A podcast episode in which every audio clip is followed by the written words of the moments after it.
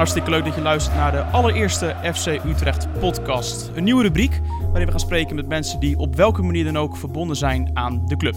Vandaag spreek ik met een man die voetbalde bij FC Utrecht, Go Ahead Eagles, FC Zwolle en RBC Roosendaal.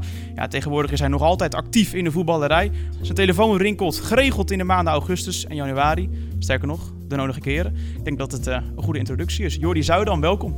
Dankjewel. Adrenaline, helemaal uitgewerkt? Nou ja, gisteren was natuurlijk wel een, uh, ja, een, een hele hectische dag. En uh, dat is wel een mooi traject om er dan denk ik uit te lichten. En, uh, met, met, met JC, die natuurlijk hier vorig jaar op huurbasis was. Die denk ik een geweldige indruk heeft achtergelaten in het aantal wedstrijden wat hij heeft gespeeld. Toen een hele vervelende blessure heeft gehad. In de eindfase van het seizoen weer, weer fit is geworden. Helaas nog geen speelminuten heeft kunnen maken. Maar dat we wel de intentie hadden om uh, met hem verder te gaan. Alleen, ja, het is niet zo makkelijk om vanuit FC Utrecht een speler van Paris Saint-Germain over te nemen. En huren was geen optie, omdat hij namelijk nog maar een eenjarig contract had. En uh, ja, dat is echt, uh, uh, nou ja, 2,5 maand buffelen geweest. En dat het dan op het allerlaatste moment ja, toch nog lukt. Ja, daar, daar, daar komt natuurlijk uiteraard adrenaline bij kijken. En ik geloof dat het uh, 11 minuten voor tijd, uh, voor de deadline, uh, allemaal officieel geregistreerd was. En dat we daarmee de laatste waren. Dus ja, dat is, dat is ook wel eens leuk, denk ik. Geeft het inderdaad niet een, een, een, extra kick dat je die fans zo enthousiast het weekend in laat gaan?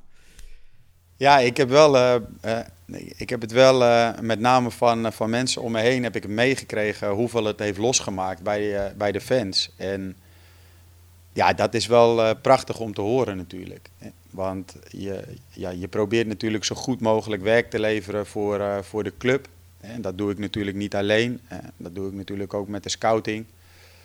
Maar dat het dan ja, op de slotdag zoveel heeft losgemaakt bij, bij de fans. Ja, dat is natuurlijk wel voor waarvoor je het doet als club zijnde. Om in ieder geval een elftal samen te stellen waar het publiek trots op is waar ze zich mee kunnen identificeren en waar ze geloof in hebben. En uh, uiteraard uh, moet het elftal het allemaal bewijzen met prestaties en sportieve pre uh, prestaties samen met de staf. Mm -hmm. Maar nou ja, goed, dat, dat in ieder geval vanuit de supporters daarin positief op heeft, is gereageerd, ja, dat, dat is alleen maar fijn om te horen. Goed, straks meer over de totstandkoming van de transfer van, zoals jij je noemt, JC, Jean-Christophe Bahebek. Nu eerst de man zelf. Uh, I'm fine. I'm finally I'm back here and I'm very happy. Yeah. Yes. We didn't heard anything about you uh, for a while. Uh, how is it with your injury? Yeah, now is I think it's good. After 10 months is is very very difficult, but now I I want to work hard for the team for me, and I think I need I need I think two or three weeks before I'm good with my body. Yeah. Yep. Have you spoken with uh, guys from Utrecht? Uh, you still know?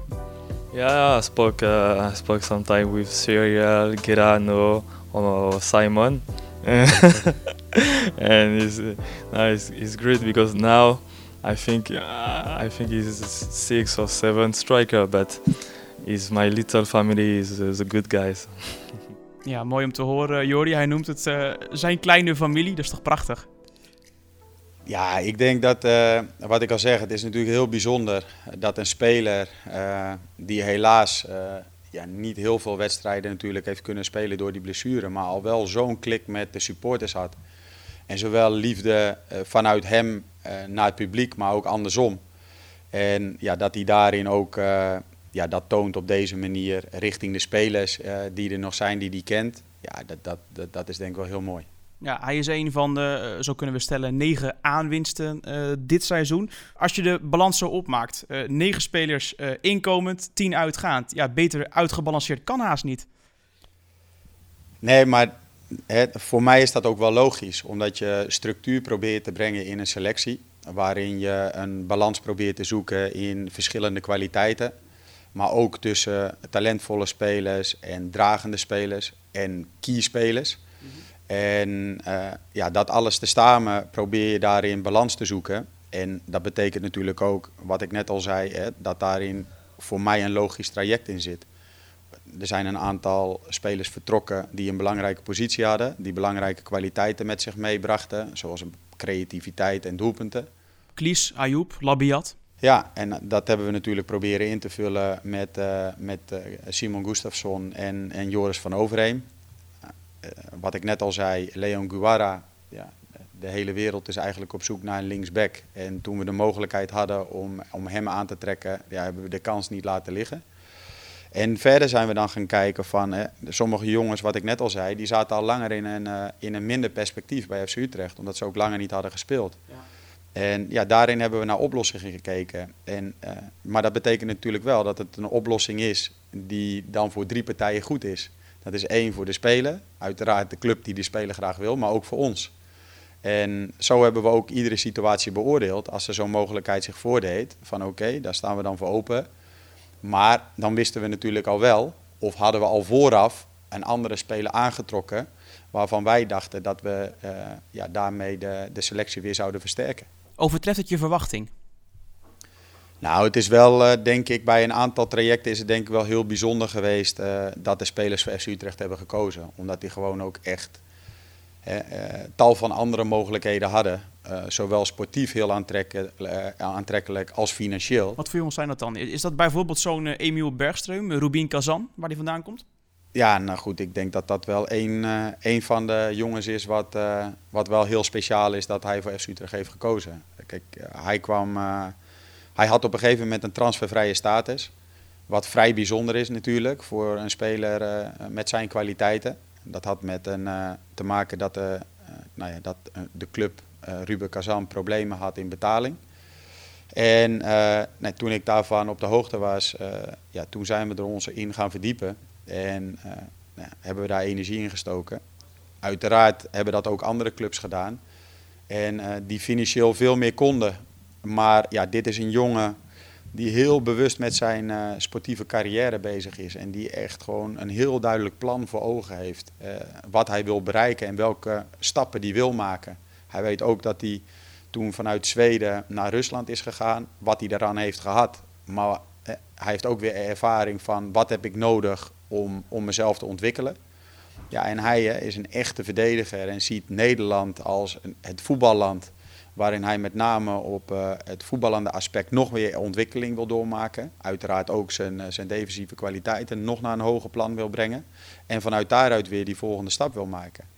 Maar zo zijn er nog een aantal die op het lijstje staat. op, op het moment dat je bijvoorbeeld ook kijkt naar een Bouzid, ja, geldt dat eigenlijk daar hetzelfde voor. Ja, kwam over van het failliet verklaarde Lierse SK. Ja, en, en kwam toen ook transfervrij. En ja, daar zaten met name, uh, uh, daar hadden zelfs de internationale top uh, had daar dan interesse in. Waarom hebben jullie ze afgetroefd? noem bijvoorbeeld een Manchester City, wat inmiddels algemeen bekend is. Nou ja, goed, kijk, dat heeft denk ik te maken met. kijk, we zijn begonnen bij Utrecht in 2012 met een, een nieuwe visie. En waarin we hebben afgesproken ons daar echt aan vast te houden. Daarin hebben we denk ik een fundament gecreëerd waarop we wilden gaan bouwen. Nou goed, dat hebben we heel veel tijd uh, besteed aan de jeugdopleiding. Daar is structuur aan gebracht en een, een, bepaalde werkwijze. Dat hebben we gedaan binnen de scouting. En zo eigenlijk op de belangrijkste domeinen, zowel bij medisch als bij de faciliteiten, om daar eigenlijk nou ja, heel veel structuur en visie in te brengen. Nou goed, dat, heeft, dat heb ik ook al vaker gezegd. Dat, dat heeft natuurlijk een geweldige boost gehad met het aantrekken van Erik ten Hag. Die natuurlijk het geweldig heeft gedaan uh, met de prestaties van het eerste elftal. Zeker. Uh, die dan, uh, toen zijn we echt aan dat sportieve succes gaan bouwen. vanuit dat fundament wat we toen hebben neergezet. Ja, heeft hij dat natuurlijk op een geweldige wijze, heeft dat, hij dat vertaald in, in sportieve successen. En ja, die lijn wat we toen uh, hebben uitgezet dat we structureel top 7 wilden spelen met onze ambitie om top 5. Maar waar we eigenlijk uh, vanaf dat moment in de budgetten uh, terug moesten ja. en rond de negende, tiende plek zitten. Ja, dan is het geweldig geweest dat we eigenlijk ons ambitieniveau de laatste drie jaar hebben gehaald en dat is top 5 spelen. Maar we moeten natuurlijk wel realistisch zijn, omdat we op dit moment gewoon qua budgetten hebben we zeg maar, op de andere vlakken nog niet de stappen kunnen maken. En, uh, ja, welke, welke stappen zijn dat? Nou goed, hè, de, de, de, club is natuurlijk ontzettend. De, de club is in beweging en uh, je, je merkt dat de club leeft. Maar met name op het commerciële vlak denken we dat we daarin nog vele malen meer winst kunnen halen. En dat zie je nu ook, dat dat begint te groeien. Maar wij zien daar nog, als club zijn er nog veel meer potentie in. Maar ook bijvoorbeeld het, traject daar, uh, met, met alle contracten uit het verleden die in het operationele vallen. Hè, daar is ook uh, de voorzitter van de FVC, Paul Verhoef, die is daar ontzettend druk mee bezig geweest om, ja, zoals hij dat dan altijd mooi zegt, om de slechte kosten eruit te halen. En daarin dan het uh, operationele budget te verbeteren. Mm -hmm. Alleen dat heeft natuurlijk wel heel veel tijd nodig. Of veel tijd nodig, dat heeft in ieder geval tijd nodig. En nu merk je dat daarin ook steeds meer stappen worden gemaakt. Maar ja, dat moet de komende jaren moet dat echt gaan volgen. In dat daarin dus ook echt dan meer budget mogelijk gaat zijn voor ja, de, de technische kant van de organisatie. En zodat dat meer in lijn komt met onze doelstellingen, ambities die we, die we als club hebben. Maar desalniettemin uh, ja, uh, vinden we ook dat het bij de club past om die doelstellingen en ambitie vast te houden. Dus daarin willen we ook niet ons verschuilen achter de negende en tiende budget. Mm-hmm. Want we hebben ook aangegeven, de laatste drie, drie jaar zijn we gekomen waar we nu zijn. Dat was een hele grote uitdaging. De uitdaging zal nog groter worden om daar te blijven. Maar we willen het wel. Ben je bang dat het misschien een, een keer minder gaat of, of een soort van in kan storten? Nou, bang. Ik ben niet zo snel bang. Hè. Uh, en ik vind ook niet uh, op het moment als het een keer ietsjes minder gaat, dat je dan meteen helemaal moet afwijken van de werkwijze die we natuurlijk al, al lange tijd en visie die we hebben ingezet. Maar uh, ja, we zullen er alles aan doen dat we zo min mogelijk verval hebben. Sterker nog, we doen er alles aan om te verbeteren. En daarbij roepen we niet van, de, van ja, we gaan nu kampioen worden of iets. Alleen het zou gek zijn op het moment als je vijfde, vierde, vijfde wordt. En dat je dan zou zeggen van ja, we willen niet beter. Nee. We, we, we, willen het hoogst haalbare. En daar doen we eigenlijk alles aan om dat te realiseren. Het lijkt mij wel moeilijk, want uh, om een aantal clubs als voorbeeld te noemen. Uh, Twente, uh, zomaar kampioen, zomaar de Champions League. We weten wat er gebeurd is. Herenveen, structureel Europa League. nu ook een stapje terug. het lijkt mij moeilijk om zo'n balans te houden en, en, en beter te worden als je een, een club bent die niet binnen de traditionele top 3 valt. Nou ja, moeilijk. Hè? Ik, ik wil het niet te veel over moeilijk, moeilijk. wat ik al zei, de uitdaging is heel groot. Maar dat geeft ook weer heel veel energie om daarin met elkaar aan te werken. En wat met name die energie geeft, dat is natuurlijk dat de club echt leeft. En uh, dat de mensen geloof daarin hebben. En, en dat, dat, dat uh, met name natuurlijk het belangrijkste, dat de supporters daarin geloven. En ja, dat denk ik dat bij Utrecht op dit moment het geval is. En ja, dan, dan ben ik wel trots op het moment als ik daar naar kijk. Feit is ook dat uh, het technisch budget op dit moment uh, zo is dat jongens als Guara, Legend, uh, Babek aan kunnen worden getrokken. Um, als we op die, op die jongens inzoomen, zijn dat allemaal van die, die buitenkansen? En, en hoeveel buitenkansen heb je eigenlijk gehad deze periode? Nou, kijk, laat ik dat ook zo zeggen. Dat wat ik net heb uitgelegd. Kijk, dat zijn vooral jongens die, die, die, die, die het financiële aspect eh, op dit moment van hun carrière, minder belangrijk vinden dan het sportieve traject. En ja, om dat in kaart te brengen, welk, om welke jongens dat dan gaat, en uh, dat, dat is denk ik goed gebeurd. Met name ook hè, met de scouting, die daar geweldig werk in heeft geleverd onder leiding van, van Alje Schut. En ja, daarin hebben we natuurlijk ja, een goede job gedaan. En daarmee proberen we, wat ik al zei, de, de volgende stap te maken pakken we nu de rubriek erbij in deze op FC Utrecht podcast. Dat is de socials. Wat zeggen mensen over Jordi Zuidam? Nou, dat is als volgt. Fan Mirjam Oostenjen geeft aan heerlijk petje af voor Jordi Zuidam. Wat heeft hij zijn best gedaan deze transferperiode? Cornel Evers, uh, acteur en cabaretier, zegt... Ik neem mijn hoed heel keihard af voor Jordi Zuidam. Dan de DJ, uh, DJ van 3FM, Wijnand Speelman, die zegt... Uh, Emiel Bergström, uh, dankzij het vakwerk van Jordi Zuidam. Wat een mooie aanwinst. En tot slot kwam er nog een, een, tweet voorbij van de supportersvereniging van FC Utrecht. Die zeggen, wat een transferzomer voor FC Utrecht. Een diepe buiging voor directeur voetbalzaken Jordi Zuidam. Koning, keizer, admiraal, Jordi haalde ze allemaal. Doe het je wat als je online dingen leest wat over je gezegd wordt? Nou goed, hè, als je dat zo voorleest natuurlijk, en, en wat ik net al zei, wat je meekrijgt, dan, uh, dan raakt het je wel. En uh, dat is gewoon omdat, wat ik al zei, ik, ik, ik geef alles voor de club. En probeer dat zo goed mogelijk te doen. En je moet je natuurlijk in het vak wat ik heb, moet je je natuurlijk ook afsluiten ook proberen af te sluiten voor, uh, uh, voor de buitenwereld. Want op het moment als je alle meningen gaat meenemen, ja, dat kan je, dat kan je ook minder stabiel maken. En ja, ik vind juist in dit vak moet je juist heel stabiel zijn en moet je een lijn uitzetten en een visie en daaraan vasthouden en daarin gewoon keihard werken. maar ja, tuurlijk krijg je dit mee en uh, uh, ook vanuit de mensen om je heen. En ja, dat, dat, uh, ja dan is het wel ontzettend mooi om die waardering te krijgen. Maar daarbij geef ik ook aan dat ik dat natuurlijk niet alleen doe. Dat ik dat ook met een heel team, een hele organisatie doe. En ja, dat ik daar ook heel veel respect voor heb voor de mensen die, die daarin een bijdrage aan hebben geleverd. En die zich daar keihard voor hebben ingezet. Goed, we gaan het zo meteen nog even hebben over, eh, over die werkwijze inderdaad. Wat er allemaal bij eh, komt kijken. Het mooie van het vak, het minder mooie, de dilemma's. Nu eerst de uh, uitgaande transfers. Zakaria Labiat vertrok naar Ajax. Ramon Leeuwin naar Odense Bolt Club. Dario Dumic op huurbasis naar Dynamo Dresden waar dit seizoen nog geen minuut miste. Yassine Ayoub vertrok naar Feyenoord. Pilo Otziek zijn contract werd ontbonden. Robin van der Meer verhuurd aan Excelsior Rotterdam. Chris David contract niet verlengd. Anouar Kali vertrok naar NAC Breda. En Giovanni Troupé op huurbasis naar ADO. Patrick Joosten tot slot naar VVV. Om in te zoomen op die uh, spelers die uh, uiteindelijk verhuurd zijn. Uh, doen jullie zo'n mededeling bij een speler of, of een zaakwaarnemer van... Goh, wij denken op dit moment dat de kans op speeltijd gering is. Of komt zo'n jongen zelf je kantoor binnengelopen met de vraag... Jordi, je moet me even helpen.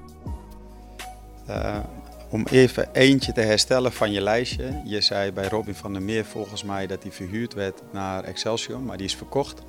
En nou ja, de andere die uh, over een verhuur sprak, dat klopt. Maar daar zitten er ook een aantal bij die bijvoorbeeld dan al langere tijd uh, minder speeltijd hebben gehad.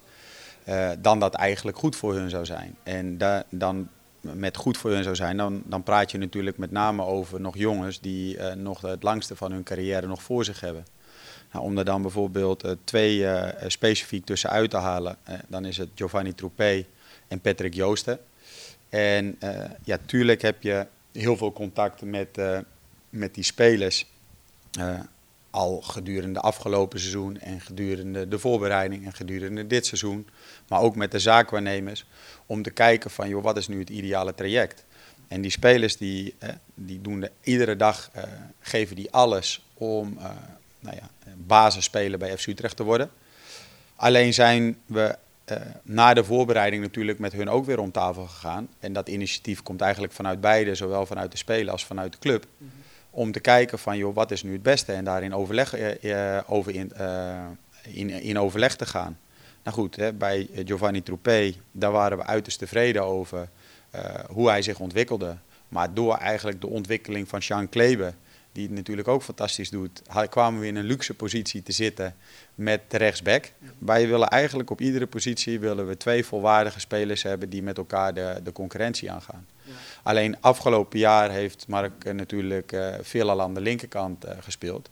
Ja, nu is in die zin, hoe de balans nu is, dat hij zowel op de rechter als de linkerkant daarin de concurrentie aan moet gaan met Leon Guevara en, en, en Sean Klebe. Maar dat betekende wel dat er ruimte was om uh, te kijken naar de situatie van Giovanni Troupé. Nou, daarbij dienden de mogelijkheden zich aan dat hij dan ook naar de eredivisie verhuurd kan worden. Kijk, en ik denk dat dat wel mooi is om dat te benoemen. Want voorheen was het vaak zo dat op een speler die net op dat moment wat minder perspectief had, maar waar de club wel nog de potentie in ziet, hè, dat we die niet willen laten gaan. Dus bij zo'n uh, Giovanni Troupé wilden we absoluut niet een oplossing wat gewoon definitief was. Een huur was te overwegen. En dan is het denk ik wel mooi om te zien dat we die spelers nu niet meer naar de, de, de eerste divisie verhuren, maar naar de eredivisie verhuren. Dat daarin, hoe de club gegroeid is, dat er nu dus ook twee jongens waar wij nog steeds het geloof in hebben, hè, die minder perspectief hadden dit seizoen op speeltijd, dat we een oplossing hebben gevonden dat ze gewoon uh, ja, uh, structureel in de eredivisie kunnen spelen. En voor Patrick Joosten uh, is dat hem dus idem dito. Die komt dan uit een langdurige blessure, is nu weer helemaal fit. Ja, die kan nu bij VVV. Is het de bedoeling dat hij daarin ja, veel minuten op, op niveau gaat maken. Ja, hoe zet je die spelers in de etalage? Om, om bijvoorbeeld Patrick Joosten en Giovanni Troupema als voorbeeld te noemen. Kijken technische harten van andere BVO's dan naar de wisselbank van Utrecht? Of hoe gaat zoiets? Ja, dat is inderdaad natuurlijk. Kijk, die, die brengen voor hun ook de markt in kaart. En die hebben dan interesse in een speler. Maar dat kan het initiatief vanuit die club zijn. Of het kan een initiatief natuurlijk zijn vanuit de zaakwaarnemer. Die weten dat ze een, uh, een, een, bijvoorbeeld een rechtsback zoeken en daarbij dan uh, Giovanni Troupé aandragen.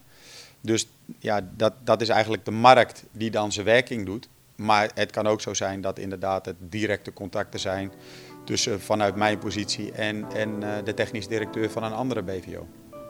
Je moet altijd uh, trachten om naar oplossingen te zoeken waarin je drie, uh, drie partijen tevreden stemt. En dat is dan de geïnteresseerde club, de speler zelf en natuurlijk wij. Ja, de verhuurde jongens zijn dus Dario Dumic, eh, Giovanni Troupé en Patrick Joosten. Hoe kunnen jullie die spelers begeleiden nu ze elders spelen? Nou, wij hebben daar natuurlijk afspraken eh, mee gemaakt uh, met, met de hurende club. En uh, dat geldt voor iedereen, het is altijd maatwerk. Dat geldt voor iedere speler, is dat weer anders. Maar dat, dat, dat zullen wij heel intensief volgen omdat het spelers zijn die, wat ik net al zei, waar wij nog uh, potentie in zien en toekomst in zien bij FC Utrecht. En dat zult dus vanuit mijn positie, maar ook van de staf, maar ook van de scouting, ja, zullen we dat wekelijks volgen en met ook de hurende club contact hebben over hoe dat gaat. Nou, ik benoemde het net al even, Dario Dumic, uh, tot nu toe nog geen minuut gemist bij Dynamo Dresden. Nou, voor Dario, hè, die is hier binnengekomen met grote verwachtingen om, om eigenlijk hetgene wat hij bij NSC had gepresteerd, om hier de volgende stap te maken. Ja, hij kwam hier natuurlijk ook binnen als A-international. Alleen hij heeft zich nooit echt structureel in het elftal kunnen knokken als basisspeler. En daarmee kwam zijn, zijn positie bij de nationale ploeg kwam daarmee in het gevaar. Dus dat heeft hij ook aangedragen. En dat is ook voor FC Utrecht natuurlijk belangrijk dat dat uh, uh, behouden blijft. Maar goed, en eh, toen hebben wij zijn eh, situatie overwogen en zijn tot deze oplossing gekomen. En ja, dan is het hartstikke mooi om te zien dat hij inderdaad nog geen minuut heeft gemist. En daarin uh, uh, ja, vooralsnog het, het prima doet. Goed, we hebben nu de inkomende en uitgaande transfers besproken. Dan nu tijd voor de rubriek eens of oneens. Aantal dilemma's, denk ik. De eerste. Ik kan s'nachts wakker liggen of wakker worden van een transfer. eens of oneens? Nee, eens. Komt-ie. Uh, het is goed dat zaakwaarnemers bestaan. Eens. De sportieve carrière van iemand die vertrekt, dus een transfer gaat maken, weggaat bij Utrecht, dat weegt zwaarder dan de transfersom die Utrecht krijgt. Ja, ik, ik, ik mag eigenlijk niet, niet, niet zeggen, maar uh, laat ik het zomaar zeggen, deels mee eens, ja. maar die wil ik wel uitleggen. Oké, inderdaad. We pakken eerst de eerste erbij. Ik kan s'nachts wakker worden of wakker liggen van een transfer. Eens. Ja, kijk, ik ben een type dat, uh, dat me ergens in vastbijt en dat het me dan heel erg bezighoudt. En ja, daar ben ik dag en nacht mee bezig. Uh, tuurlijk probeer je daarin uh, een bepaald tot rust te komen s'nachts, dat heb je ook nodig. Maar ja, ik, op het moment ook zoals ik nu bijvoorbeeld naar de laatste dagen kijk van die laatste window en met, met het aantrekken van JC, ja, dan, dan heb ik heel weinig geslapen. Is dat zo'n situatie dat om uh, half drie s'nachts in één keer je telefoon kan gaan met een bepaalde update om, omtrent uh, JC? Nou, je kan het beter zo zien dat het tot half drie, half vier s'nachts soms doorgaat. En dat je dan op een gegeven moment even een paar uurtjes moet bijtanken om, om de volgende dag er weer mee verder te gaan. En dan met flinke wallen de volgende ochtend aankomen op Zoudenbalg. Ja, maar wat je net al zei, dan zit je in zo'n adrenaline om, uh, ja, om het voor elkaar te krijgen. Die wallen die komen denk ik eerder op het moment als het dan niet lukt. Maar op het moment dat het lukt, dan, uh, dan, is het, uh, dan komt het daar vaak wel goed mee. Zoals gisteravond inderdaad. Ja. Hey, dan over de, de, de zaakwaarnemers. Ehm, het, het feit dat ze bestaan, goed of, of, of, of niet goed? Ja, je hebt wel lastige stellingen. Want uh, eigenlijk moest ik op die volgende twee. Uh, kon ik zowel eens als oneens zeggen. Ja. Omdat er gewoon heel veel verschil in zit. Uh, ik denk dat, het, laten we maar zo zeggen, de goede zaakwaarnemers die daarin echt de sportieve belangen afwegen voor de speler en die daarin zich ook voor inzetten, ja, daar kan het gewoon soms echt belangrijk zijn. En dan met name jongens die bijvoorbeeld uh, net uh, op een, uh, een ander spoor komen. En dat de, de zich echt inzet om naar een oplossing te gaan. En met als doel om de carrière weer nieuw leven in te blazen. Ja, dat, dat, dat is gewoon hartstikke belangrijk. En dat zo'n zaakwaarnemer opkomt, ook in het contract, om de financiële belangen te behartigen, dat is denk ik alleen maar goed. Maar kijk, in die wereld daar heb je natuurlijk ook uh, veel zaakwaarnemers ja, die toch de sportieve belangen van een speler dan net iets uh, minder belangrijk vinden dan uh, de eigen belangen. En daarna op zoek zijn. Zonder uiteraard uh, andere zaakwaarnemers tekort te doen. Maar is er eentje waarvan je denkt: wauw, wat ik, wat ik daarbij heb meegemaakt met een bepaalde speler, een bepaalde casus dus? Ja, tuurlijk. Maar dat is, daar kan ik uh, nu geen namen in noemen. Maar dat heb ik wel een aantal keren of meerdere malen gehad. Maar nogmaals, ik kan natuurlijk ook een aantal voorbeelden noemen waarin de zaakwaarnemer gewoon echt een hele goede rol heeft gespeeld. Zowel voor de speler als voor de club zijnde. En dat is net wat ik bedoel. Dat is ook in het opbouwen van je netwerk. Hè, wat ontzettend belangrijk is in, uh, in, in deze wereld. Waarin je dus uh, ja, echt samenwerkt om zowel dan voor de speler als voor de club zijnde uh, ja, sportieve afwegingen te kunnen maken.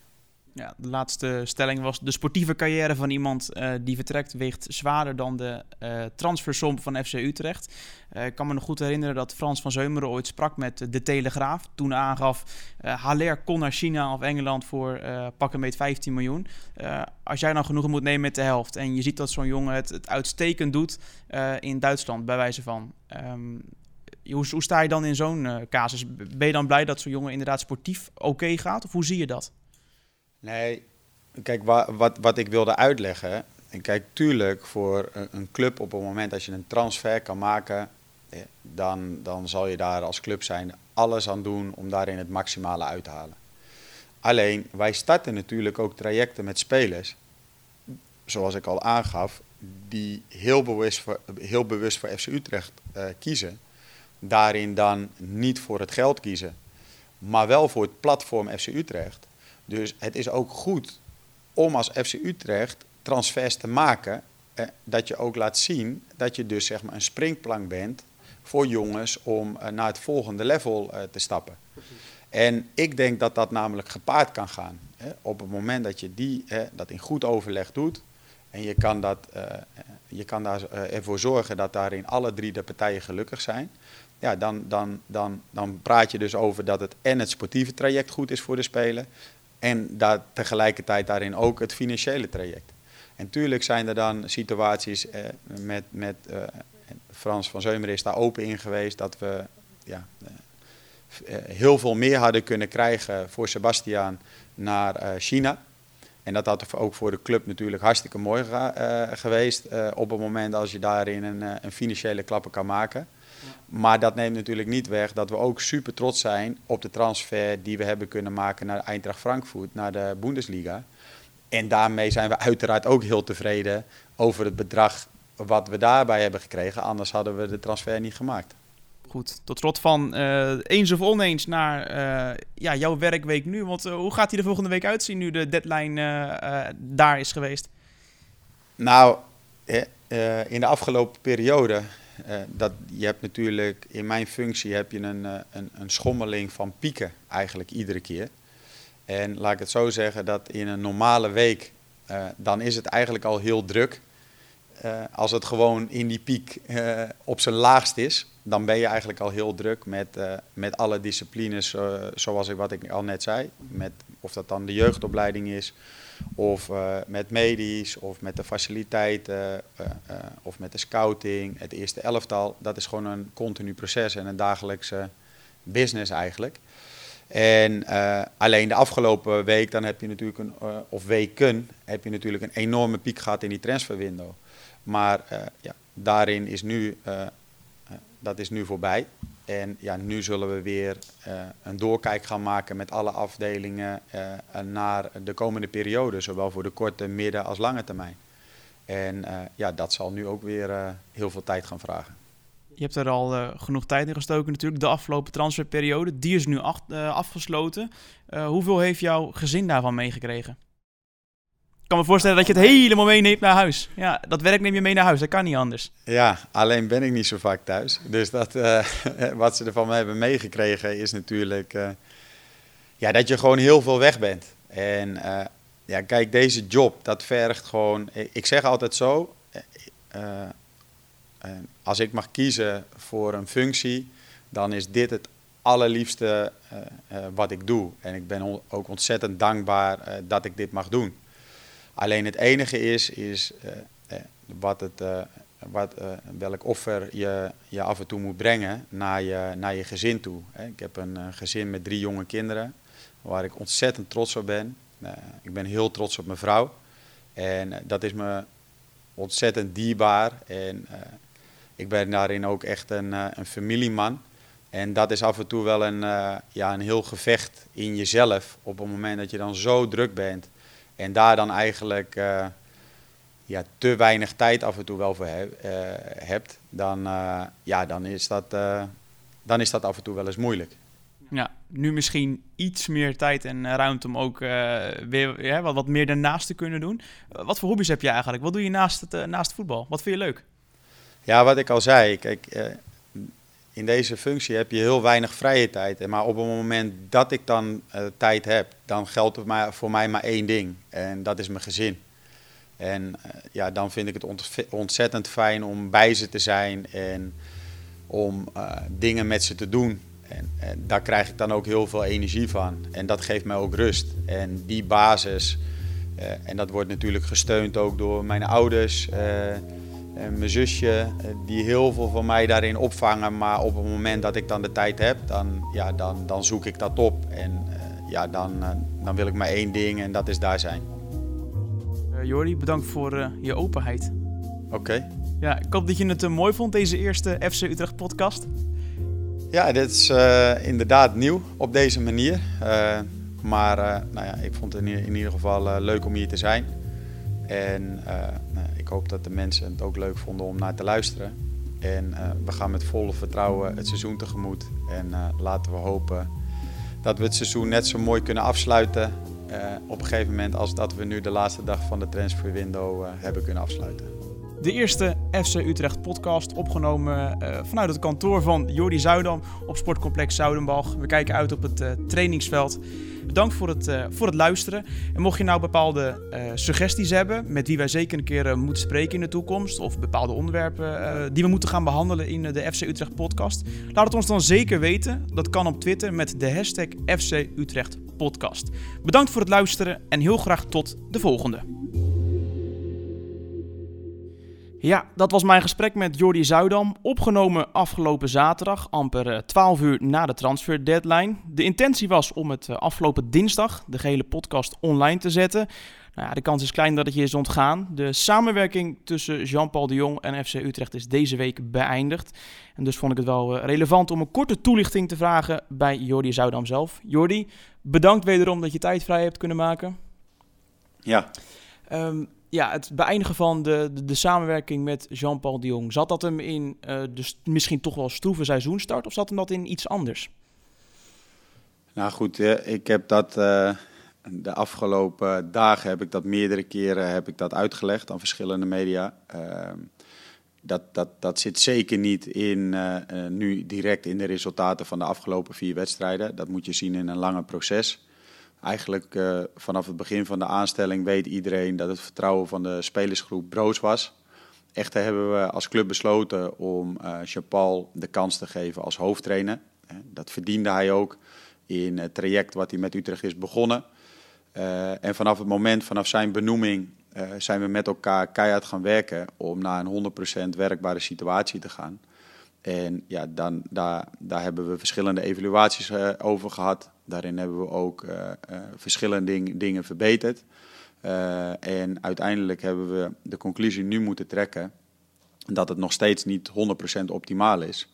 Maar tevens dat we ook geen mogelijkheden meer zien om verder dingen op te lossen. En ja, met name dat laatste, ja, dat, dat biedt geen continuïteit. En vandaar hebben we dus nu besloten om de samenwerking te beëindigen. Hoe vervelend is het moment? Of, of zie jij nog voldoende kansen aangezien het vroeg in het seizoen is? Nou, we hebben, eh, wat ik net al zei, we hebben vanaf het moment dat we Chapal hebben aangesteld, eh, toen zijn we gaan werken en hebben we ontzettend veel energie erin gestoken als club zijnde, maar met name ook Chapal, om die 100% werkbare situatie te krijgen. En we hebben dat iedere keer kunnen managen voor de korte termijn om nog wel de resultaten goed te houden. Want we zijn afgelopen seizoen zijn we gewoon vijfde geëindigd. Alleen je moet wel naar een 100% situatie toe kunnen groeien om ook successen op de langere termijn te waarborgen. En uh, iedere keer hebben we dat gevoel gehad uh, dat daarin nog oplossingen waren. Zo ook bijvoorbeeld hebben we aan het einde van het seizoen geëvalueerd en heeft Jean-Paul besloten zijn staf anders in te richten. Nou, daarin is zeker, zijn zeker dingen verbeterd. Echter uh, ja, zijn we, hebben we niet kunnen toegroeien naar een 100% plaatje. En uh, ja, de conclusie ook moeten trekken dat uh, we nu geen oplossingen meer zien om dat wel te creëren. En ja, daarop hebben we besloten om de samenwerking te beëindigen. En dat is uiterst zwaar besluit geweest. Maar ja, dat is ook wel een realistisch besluit geweest. En dat is in overleg met Chapal gegaan. En ja, daarin hebben we elkaar recht in de ogen kunnen aankijken. En vanuit beide kanten kunnen zeggen van dat we er alles aan gedaan hebben maar dat het helaas niet gelukt is. Ja, want Jean-Paul is en blijft natuurlijk een, een clubman, een icoon. Ja, dat blijft. Kijk, als je ziet uh, hoe lang hij bij de club uh, werkzaam is geweest in, in verschillende periodes, maar wat hij voor de club heeft betekend, hoe hij zich in heeft gezet, ook tot op de laatste dag dat we de, de samenwerking hebben beëindigd. Ja, daar kan je alleen maar heel veel respect voor hebben en dat maakt ook die beslissing natuurlijk zo zwaar. Ja, feit is wel dat jullie nu op zoek moeten naar een, eh, een nieuwe hoofdtrainer. Ja, je had misschien verwacht iets meer uh, rust te hebben na die transfer deadline. Uh, dat gaat niet gebeuren. Als jij nu naar een, een nieuwe trainer kijkt, een bepaald profiel, waar ga je nu naar op zoek? Nou goed, hè, we hebben, uh, in die zin willen we een trainer hebben waarvan wij de overtuiging hebben dat hij met deze selectie, waarvan wij vinden dat we de voorwaarden hebben gecreëerd om ons ambitieniveau te halen, ja, dat hij dat eruit kan halen. En natuurlijk uh, is het altijd lastig om in een, in een seizoen in te vallen als trainer. Dus het zal een trainer zijn die het profiel heeft uh, waarvan wij denken dat hij het maximale uit onze selectie kan halen. met een bepaalde werkwijze en visie. En uh, ja, vanuit daaruit uh, dat we kunnen verder bouwen uh, zoals we graag willen met de volgende stap die we met de club willen maken. Betekent dat ook dat er um, waarschijnlijk een, een, nieuwe hoofdtrainer gaat komen die ook op lange termijn bij de club gaat blijven? Dus een meerjarenplan? Nou goed, dat, dat kan beide. Je kan, er kunnen twee situaties kunnen er ontstaan. Dat je de overtuiging hebt dat nu een trainer ons voor de korte termijn kan helpen om in ieder geval dit seizoen zeg maar, onze ambities te verwezenlijken. En het kan inderdaad naar een, een zowel korte termijn als lange termijn oplossing. dat een trainer dan voor meerdere jaren aan een club verbonden kan krijgen. Maar het belangrijkste is denk ik dat we de overtuiging moeten hebben dat het of gepaard kan gaan, de korte en de lange termijn. Ja, of dat we de beste oplossing met de korte termijn kunnen creëren. En daarin uh, een, een trainer voor die periode aanstellen. Op welke termijn hopen jullie met een eh, update te kunnen komen? Ja, wat ik al heeft, heb aangegeven, eh, we willen dat zo snel mogelijk. Alleen natuurlijk wel op het moment dat we de overtuiging hebben dat dat de juiste keuze is. Dus we doen er alles aan om snel duidelijkheid te creëren. Maar natuurlijk niet ten koste van uh, uh, de overtuiging dat het de juiste keuze is. Goed, Jordi. Bedankt voor je tijd wederom. Afgelopen zaterdag vanaf uh, trainingscomplex Zoudenboog. Nu vanuit Stadion Galgenwaard. heel veel succes en ongetwijfeld tot snel. Oké, okay, dankjewel.